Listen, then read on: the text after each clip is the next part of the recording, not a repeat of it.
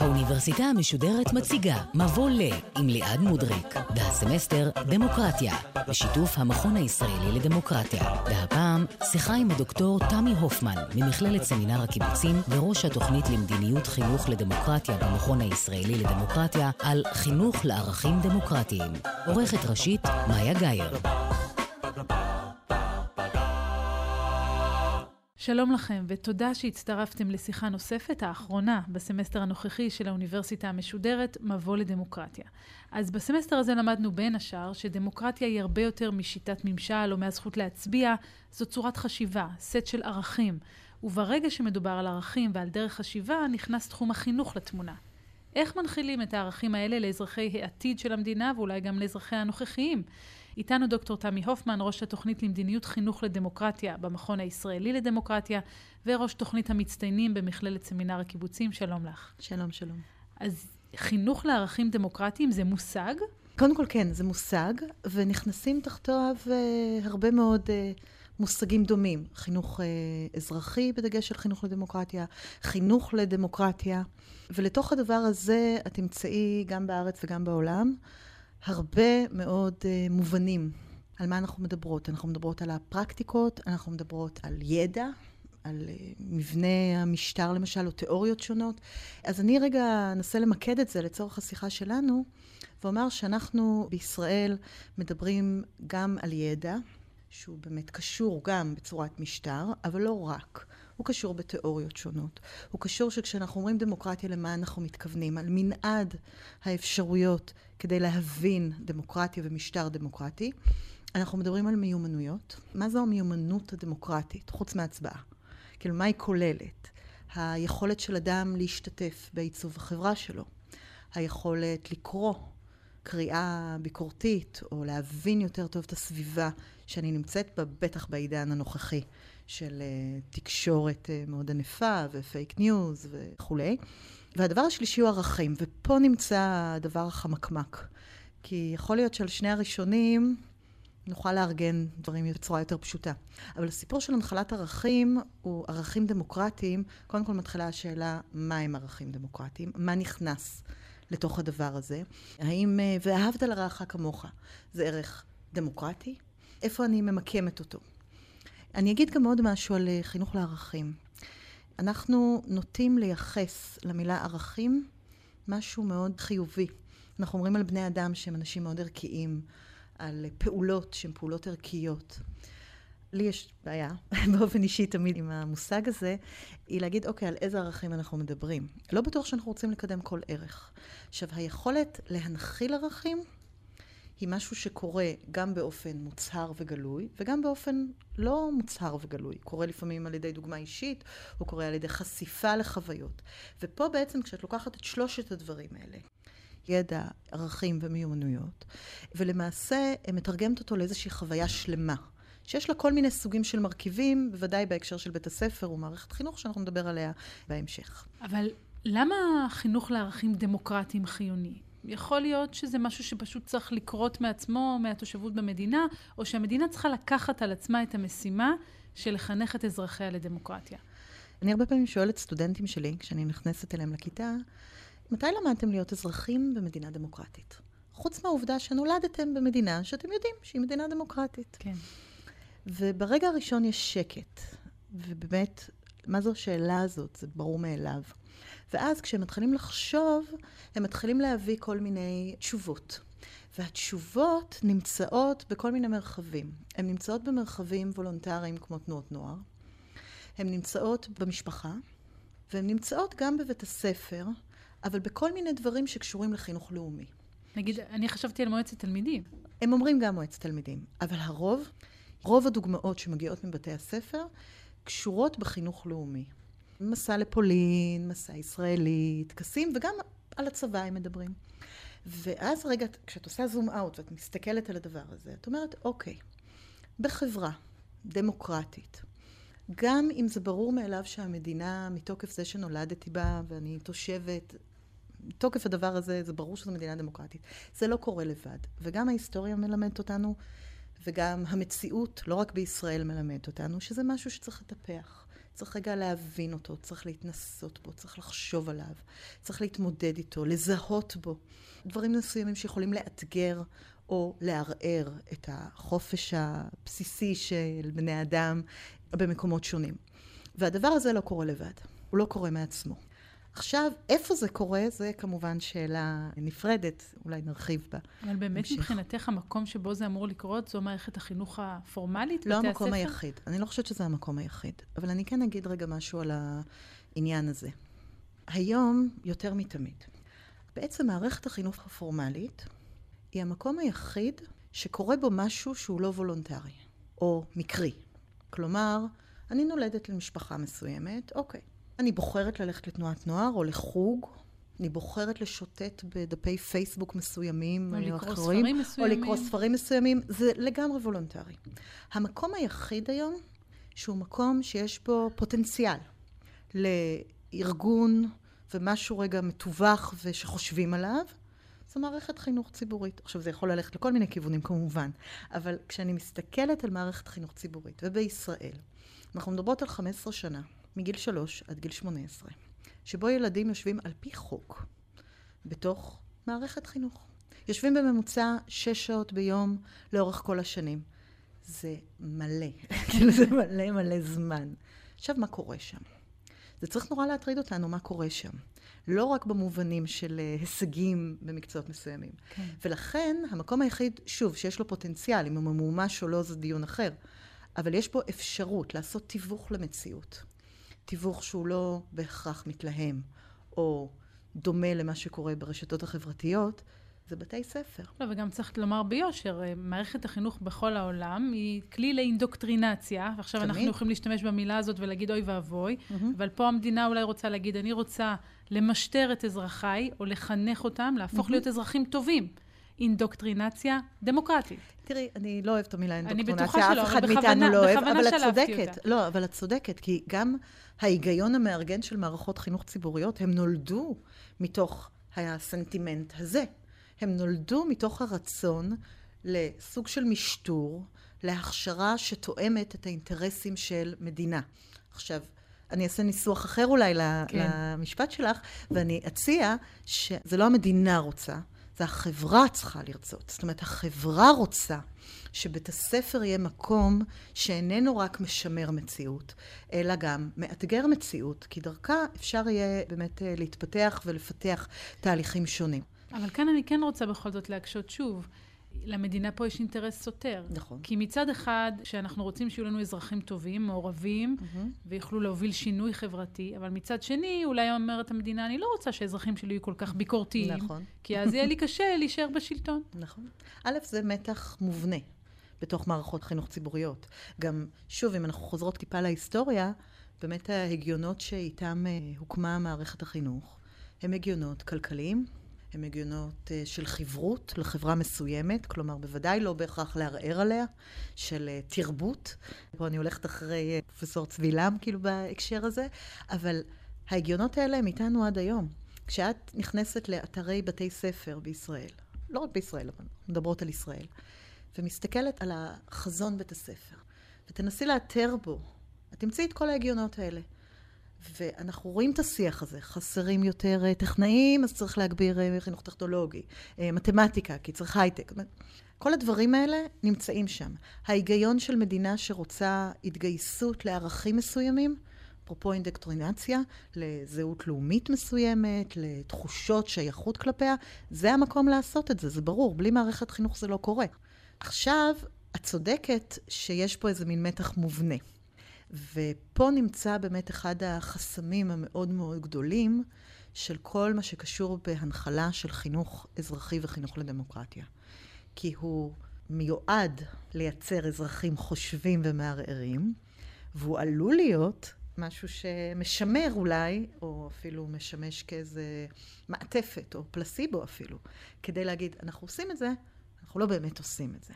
פה יש מתח מובנה. עכשיו, איך פותרים אותו? יש כל מיני דרכים לפתור אותו.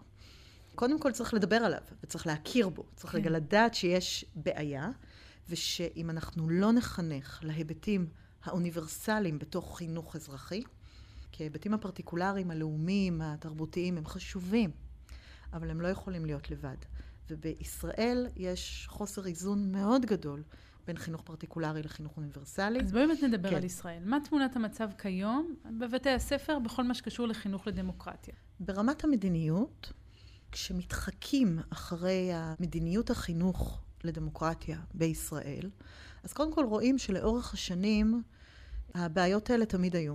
עכשיו זה קשור במבנה של מערכת החינוך שצמחה מתוך היישוב היהודי הציוני, שביקש לקדם זהות לאומית עברית ציונית. ואז הרבה מאוד מכל מה שאנחנו קוראות לו חינוך אזרחי, נכנס לתוך הקטגוריה הזו של התגייסות ללאום, לערכים, לציונות וכולי.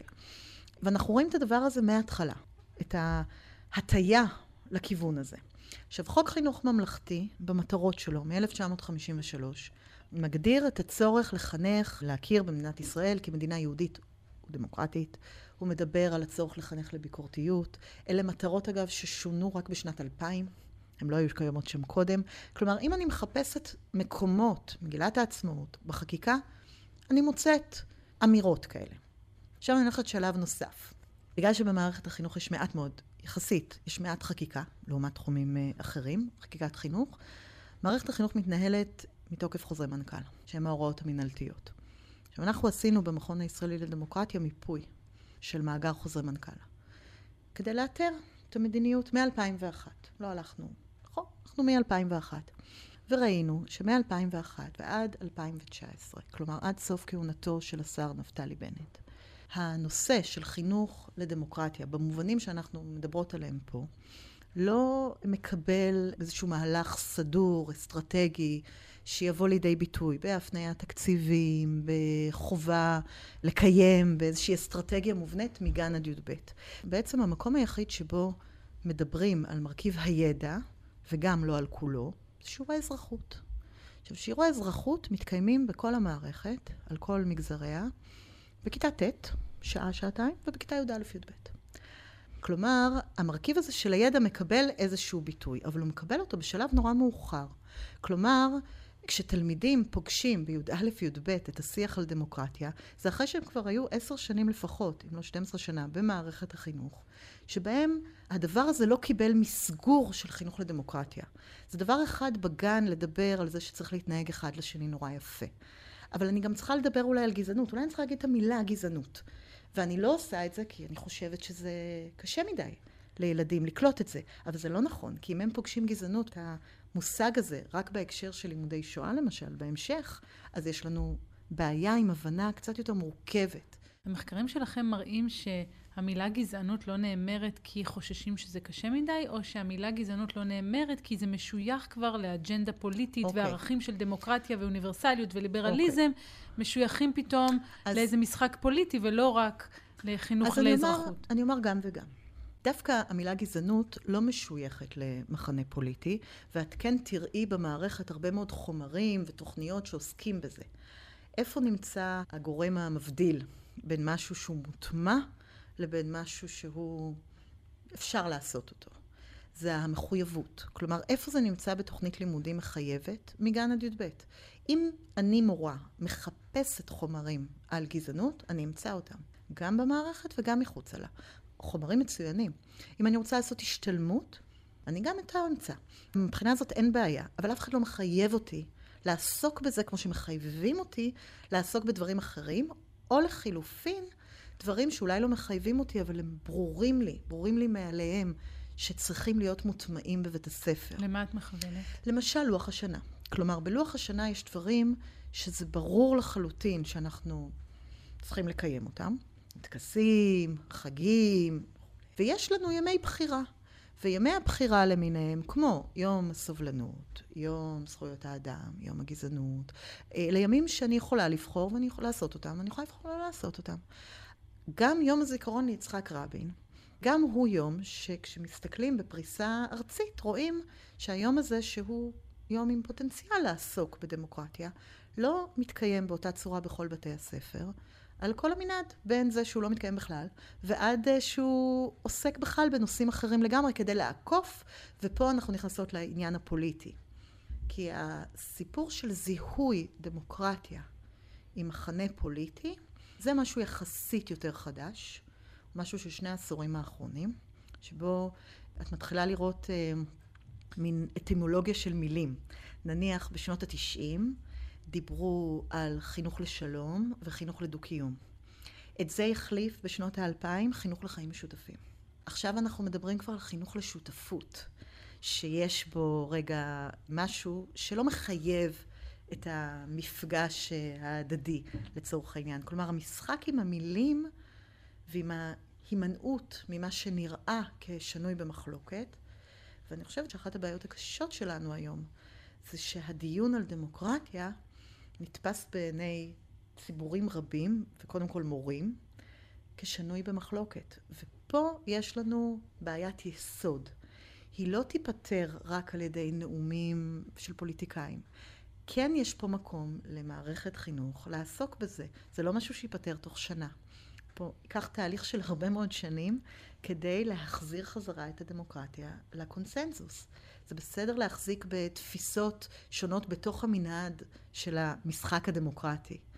אנחנו אבל לא שם, אנחנו, כאילו או שאתה דמוקרטי או שאתה לא. אז אם אתה לא, האם אנחנו ביחד באותו הקשר? וכאן מתחילה הבעיה, אני חושבת, מאוד מאוד uh, גדולה. ואת רואה את משרד החינוך היום מתמודד איתה?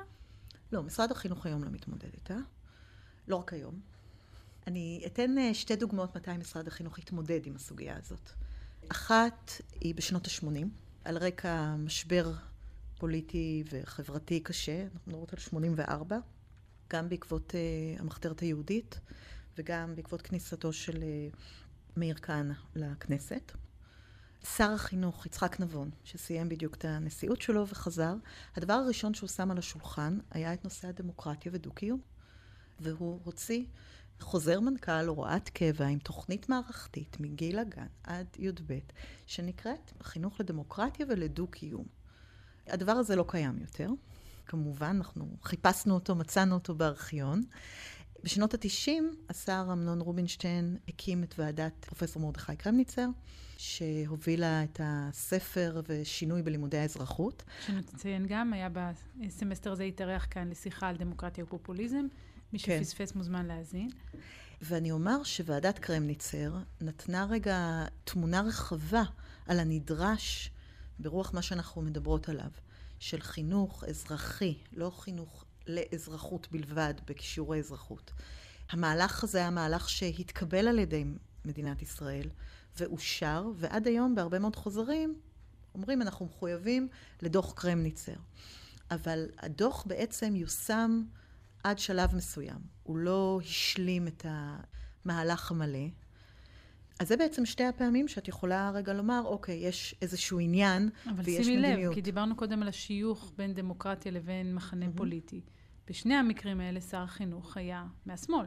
נכון, אבל היום השיוך הפוליטי הוא הרבה יותר קשה. זאת אומרת, השיוך הפוליטי שעושה דיכוטומיה מאוד מאוד נוקשה בין ימניות, לאומיות, שמאל ודמוקרטיה ואוניברסליזם כזה. ובאמת יש לנו בעיה מאוד מאוד קשה עם הזיהוי הזה, עם הזיהוי והדיכוטומיה הזאת בין דמוקרטיה ושמאל, לעומת לאומיות או ציונות וימין. שאגב, זה גם מתכתב עם ההבחנה שעשית קודם בין אוניברסליזם נכון, לבין לוקאליות. נכון, זאת אומרת, נכון. מה שלוקאלי זה הלאומי, זה נכון. היהודי, היהודי במקרה של לאומי, ישראל. נכון. והאוניברסלי זה הערכים הליברליים, נכון, זכויות אדם. נכון. ופה מתחילה הבעיה. אנחנו פוגשים הרבה מאוד מורים לאזרחות, והיום לא רק, שבאים ואומרים, ברגע שמתחילים לדבר על דמוקרטיה, אומרים להם, מורה, אתה שמאלני.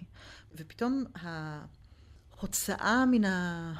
מן המעגל או מהחברה של הדעות השמאלניות הם, אגב, בדיוק להגיד משהו על זה שאנחנו לא מבינים מהי דמוקרטיה, על תרבות מחלוקת, על הרגע היכולת אה, לנהל, איך אנחנו מנהלים את הדיונים האלה. אנחנו לא מחפשים הסכמה. אנחנו מחפשים דרך לנהל באופן מכובד דיונים, וגם להתמודד עם אי הסכמה. והדבר הזה היום בבתי הספר לא בא לידי ביטוי. אני אחזור רגע לשאלה של איך זה נראה בבתי הספר, ויש לזה כל מיני סיבות. יש לזה סיבה מבנית, קודם כל. מערכת החינוך שלנו היא לא מערכת אחת, היא מערכות. היא בנויה על בסיס מגזרי, דתי, לאומי, גם, צריך לומר היום, גם גיאוגרפי, פריפריה, מרכז וכולי. בתי הספר ברובם בפני עצמם הם מאוד הומוגנים. כלומר, האפשרות של תלמידים לפגוש אנשים אחרים שאינם דומים להם, לפעמים אפילו באותה עיר, מוגבלת. ואם זה לא קורה בכוונת מכוון, זה לא יקרה. עכשיו גם התלמידים לומדים תכנים שונים במקומות שונים. יש דגשים שונים. ואז עולה שאלה, וזה מחזיר רגע על האם מערכת החינוך צריכה להיות המקום שעושה את זה, עולה שאלה, מה מחבר בין אזרחים במדינה, מעבר לזה שיש להם תעודת זהות כחולה, והם מממשים את זכותם להצביע בבחירות. מה מחבר ביניהם? אני שואלת סטודנטים על המאפיינים של החברה הישראלית, והם מתחילים להגיד על ערבות הדדרית וסולידריות וכולם ביחד. אני אומרת, שנייה, בואו תעשו זום אאוט. יש הרבה מופעים של סולידריות וערבות הדדית בתוך קבוצות, בתוך קהילות. האם יש כאלה בין קבוצות? התשובה היא לא, על פי כל המדדים. ואת הדבר הזה, מערכת חינוך היא אחת הזירות המרכזיות שאפשר לנסות ולקדם חינוך שמנסה קצת לצמצם את הפערים האלה. בואי נבדוק איך זה משפיע על התלמידים. אתם עשיתם סקר. נכון. מה מצאתם? אנחנו עשינו סקר ממש לאחרונה, בספטמבר-אוקטובר 2020. שיא גם הסגר השני וגם אה, המשבר המאוד גדול שאנחנו נמצאים בו. והסקר אה, כלל 610 בני נוער, מגיל 13 עד גיל 18, בחלוקה מגזרית על פי בתי הספר. כלומר, הסקר כלל תלמידים בתי ספר ממלכתיים, ממלכתיים דתיים ובתי ספר ערבים, שנמצאים תחת המערכת הממלכתית, כי רוב החינוך החרדי לא נמצא תחת המערכת הממלכתית. וראינו שני דברים, ואני אתחיל דווקא עם הדוגמה של מועצת תלמידים שהזכרת קודם. כן. שאלנו את התלמידים, האם יש בבית הספר שלהם מועצת תלמידים? רוב גורף בכלל המדגם אמר שאכן יש בחירות למועצת תלמידים. עכשיו, הנתון הזה תואם גם חוזרי מנכ"ל וגם את העובדה שבאמת יש המון עניין מסביב לקיום ולריטואל של מועצת תלמידים. אבל השאלה הבאה הייתה, עד כמה להערכתך יש למועצת התלמידים השפעה על נושאים מרכזיים בבית הספר? והתשובה הייתה, ברובם, שההשפעה מאפסית ועד כמעט ולא קיימת, כן. ברוב מובהק. חייבת עכשיו... לומר שבתור uh, מי שהייתה בהרבה מועצות תלמידים בכל מיני שלבים, כן. זה עצוב כן. לשמוע. עכשיו, בעצם, אם מסתכלים על זה רגע, זה כמו איזה מקרה מבחן קטן. זה מקרה מבחן לחוויה גם החברתית הכוללת. כלומר, האם הריטואל הזה של בחירות, פעם בחודשיים או פעם בארבע שנים, האם הריטואל הזה של הבחירות באמת מספק את המעורבות האזרחית בתוך הפעולה הכללית? עכשיו, הנתון הזה היה נתון נורא מעניין, כי הוא בעצם מדגים לנו קצת מה זה אומר חינוך לדמוקרטיה כפלסיבו. דבר שני, למשל, ששאלנו את התלמידים, זה סוגים שונים של מעורבות פוליטית או דמוקרטית, אזרחית, שהם לקחו בהם חלק. ושאלנו אותם על מעורבות חברתית, התנדבות בקהילה. שאלנו אותם על השתתפות בהפגנות, ואני מזכירה שעשינו את זה בספטמבר-אוקטובר 2020. תקופה שהייתה בהפגנה או שתיים. תקופה שהיו בה, כן, אז אני מניחה שחלק מהם לפחות כן. לקחו חלק בצורה כזו או אחרת. שאלנו על פנייה לאיש ציבור, היכולת רגע לפנות ולהעלות אה, סוגיה. ושאלנו על אה, חתימה על עצומה, או... עכשיו, גם פה זה היה נורא מעניין. הרוב הגורף בכל המגזרים התנדבות חברתית. חברתית. עכשיו, ברור. ההסבר לדבר הזה הוא כי זה נמצא בתוך תוכנית הלימודים. ברור. זה רגע מראה את הכוח. עכשיו, זה דיון אחר, האם כשזה בתוכנית הלימודים וזה חובה, זה באמת מייצר את מה שאנחנו רוצים שזה ייצר. שאלה. אבל עצם החשיפה לאפשרות הזאת, רוב מובהק. כל שאר הדברים היו פחות משליש מכלל המדגם. בעיניי זה נתון גבוה. כן, הנתון נגיד של הפגנות, שליש, זה הרבה. כן. זה אומר רגע שיש מעורבות. וזה גם מתחבר לנתון נוסף מאוד מעניין, ששאלנו את בני הנוער אם הם חושבים שהמשטר הדמוקרטי בישראל בסכנה. ורוב מובהק של בני הנוער אמרו שכן. שכן. ואני אגיד גם שכשהשווינו את זה במדגם דומה למדד של הקול הישראלי במכון הישראלי לדמוקרטיה, ששאל שאלה זהה גם בתקופת הסגר הראשון. זאת אומרת, כן שאל על רקע דברים מבוגרים. דומים, שאל מבוגרים. התשובה הייתה פחות. זאת אומרת, אנחנו מדברות על פער בין, נגיד, 55 אחוז חושבים שהמשטר נמצא בסכנה אצל המבוגרים, ואצל בני הנוער זה כבר הגיע ל-75 אחוז. עכשיו... והם על... מסבירים למה? בני הנוער, התשובות שלהם היו תשובות שלימדו על חשש, על בלבול. וגם, אם אני מחזירה את זה לבית הספר, הם מחזיקים את המושגים. זכויות אדם, בחירות, הכרעת הרוב, יש שם את המושגים. אבל ההבנה של המושגים היא מאוד מאוד מוגבלת. פה נמצאת בעצם הלקונה, פה נמצאת הבעיה המרכזית. אז איך ממלאים אותה? Okay. אוקיי. ואיך ממלאים אותה בצורה שלא תיתפס כמותה פוליטית או כמשחקת תפקיד במשחק? אז יש לזה כמה מרכיבים. קודם כל, אין ספק שיש תפקיד למשרד החינוך בעניין הזה. שצריך לבוא לידי ביטוי במחויבות שלא רק אומרת, יש, תסתכלו בחוקים או תסתכלו במערכים, אלא מתרגמת את זה למשהו שהוא בעל ערך, וכמו ששמים על השולחן גיוס לצה"ל, יכול להיות שצריך לשים על השולחן גם את הנושא הזה. אז זה, אין ספק שיש פה גם אלמנט של מדיניות, שצריך למצוא דרך להתגבר עליו. עם זאת, אני אומר, אחד הדברים שמדברים עליו המון עכשיו בהקשר של הקורונה, זה באמת היחסים בין הרשויות המקומיות לבין מערכת החינוך, שהיא מאוד מאוד מרכוזית, ידועה ככזו. ובעצם הקורונה חושפת מאוד את הקושי של אנשי השדה, של מורים, מורות, מנהלים, רשויות מקומיות, להתמודד עם מבול ההנחיות שהרבה פעמים לא תואם לצרכים בשטח. ויכול להיות שמי שצריך להוביל את המהלכים האלה, זה באמת הדרג הזה, של ראשי רשויות ומנהלי בעלויות חינוך למיניהם, רשתות. זאת אומרת, יש פה כן מרחב שלם של פעולה שיכול לבוא משם וגם ממורים. אחד הדברים ששאלנו את התלמידים היה על קיום של דיונים בנושאים שנויים במחלוקת, mm-hmm. או האם המורה משתף אותנו בדעות שלו. עכשיו, באופן אולי לא מפתיע, ראינו שבאופן די גורף, בכלל המדגם, המורים לא משתפים בדעות שלהם, או אני לא באמת יודע מה הדעות של המורה שלי. זה אחד. בממלכתי דתי דווקא פחות, זאת אומרת, בממלכתי דתי יותר מורים משתפים בדעות שלהם, וגם את זה אפשר להסביר, כי זה מנהל חינוך שיש לו אוטונומיה, הוא יחסית יותר הומוגני עם ההבדלים הפנימיים הקיימים בו, אבל הוא יחסית יותר הומוגני, והרבה מאוד דברים שבמגזרים אחרים נתפסים כמאוד פוליטיים, שם הם נתפסים כערכים ומקובלים, ואז אפשר uh, יותר לדבר עליהם באופן אולי חופשי. אני רוצה להגיד משהו על המורים והפוליטיקה. אני חושבת שאחד הדברים uh, הקשים שמלווים אותנו מקום המדינה, זה ההנחה שבית הספר הוא מקום לא פוליטי, שהוא צריך להיות מקום ניטרלי. גם האמירה שממלכתיות זה אומר שזה לא פוליטי, היא אמירה מאוד מאוד פוליטית. כי בוודאי שמה שהיה ממלכתי בתקופתי, היום הוא לא, והפוך. ומתוקף זה שיש בחוק חינוך ממלכתי סעיף שמדבר על איסור על קיום תעמולה פוליטית למפלגה. עד היום דורות שלמים של מורים ומחנכים אומרים שאסור להם לדבר על פוליטיקה. עכשיו, הדבר הזה עמד בפני מבחן מאוד גדול בפרשת אדם ורטה בזמנו, ב-2014. בואי נזכיר אותה. מורה למחשבת ישראל בטבעון, שלמעשה הוזמן לשימוע על רקע סערה תקשורתית מאוד גדולה, שבה הוא אמר בכיתה אמירות שקשורות בצה"ל וקשורות בפלסטינים, שנתפסו כאמירות אה, פוליטיות. הוא הוזמן לשימוע, ולקח למשרד החינוך קצת זמן להגיב לזה. עכשיו, זה היה נורא מעניין, כי שר החינוך שי פירון, בדיוק באותה שנה, השיק את הרפורמה של למידה משמעותית, שמחזיקה בתוכה את כל הנושא של דיון וערכים וויכוח, שהם חלק מחינוך לדמוקרטיה.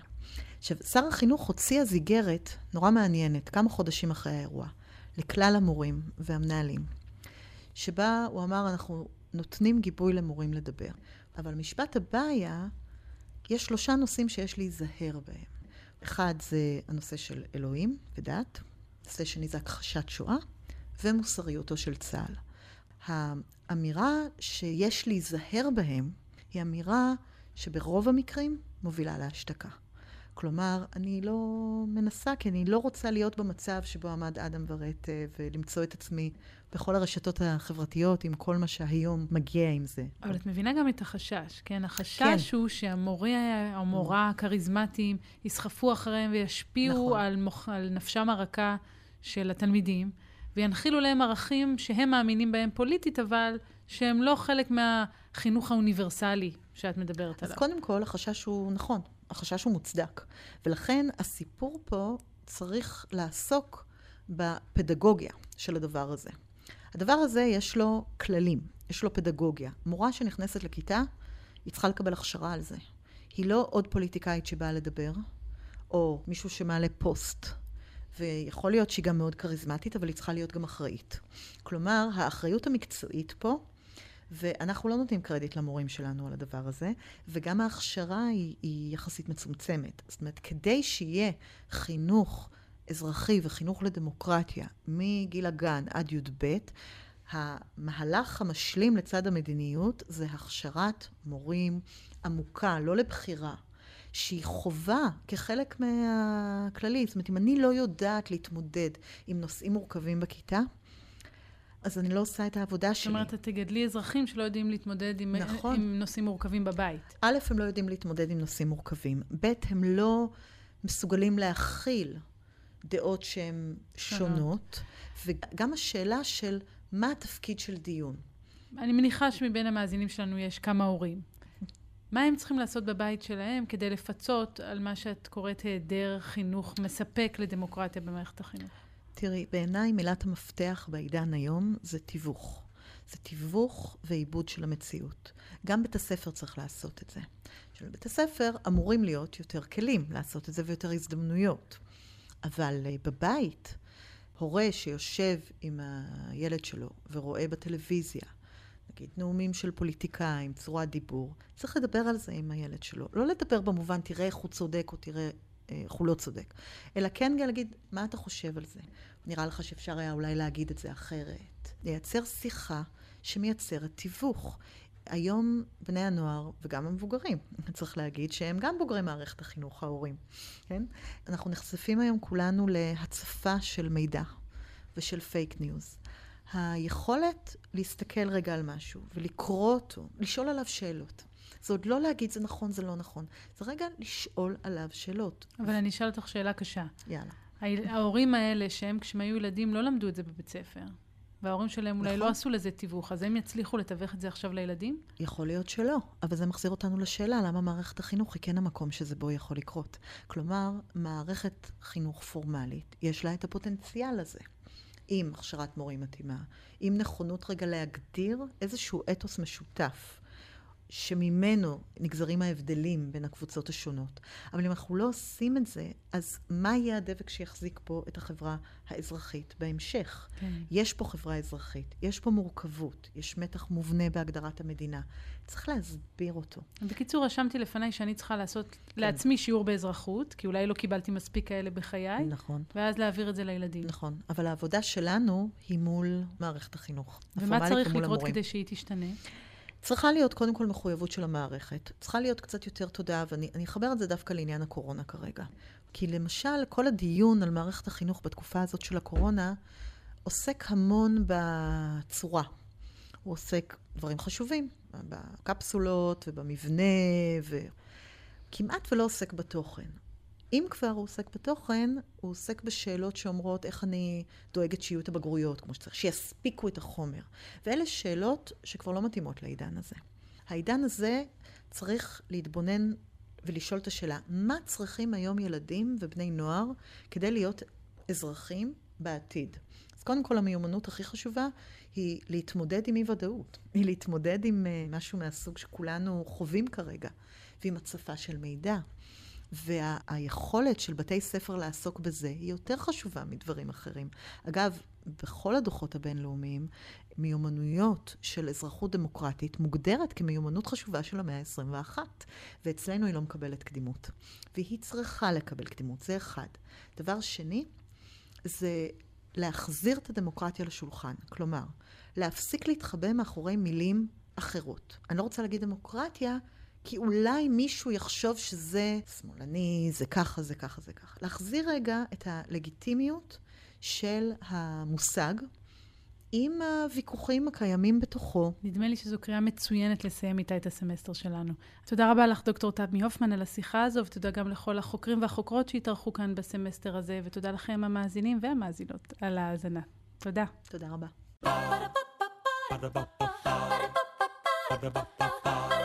Ba-da-ba, ba-da-ba, ba-da-ba, ba-da-ba. האוניברסיטה המשודרת, מבוא לדמוקרטיה, בשיתוף המכון הישראלי לדמוקרטיה. ליעד מודריק שוחחה עם הדוקטור תמי הופמן ממכללת סמינר הקיבוצים וראש התוכנית למדיניות חינוך לדמוקרטיה במכון הישראלי לדמוקרטיה על חינוך לערכים דמוקרטיים. עורכת ראשית, מאיה גאייר. עורכים ומפיקים, גיא חלמיש, עומר עובדיה ועמליה נוימן. ביצוע טכני, דניאל שבתאי. האוניברסיטה המשודרת, בכל זמן שתרצו, באתר וביישומון גלי צה"ל, ובכל מקום בו אתם מאזינים להסכתים שלכם.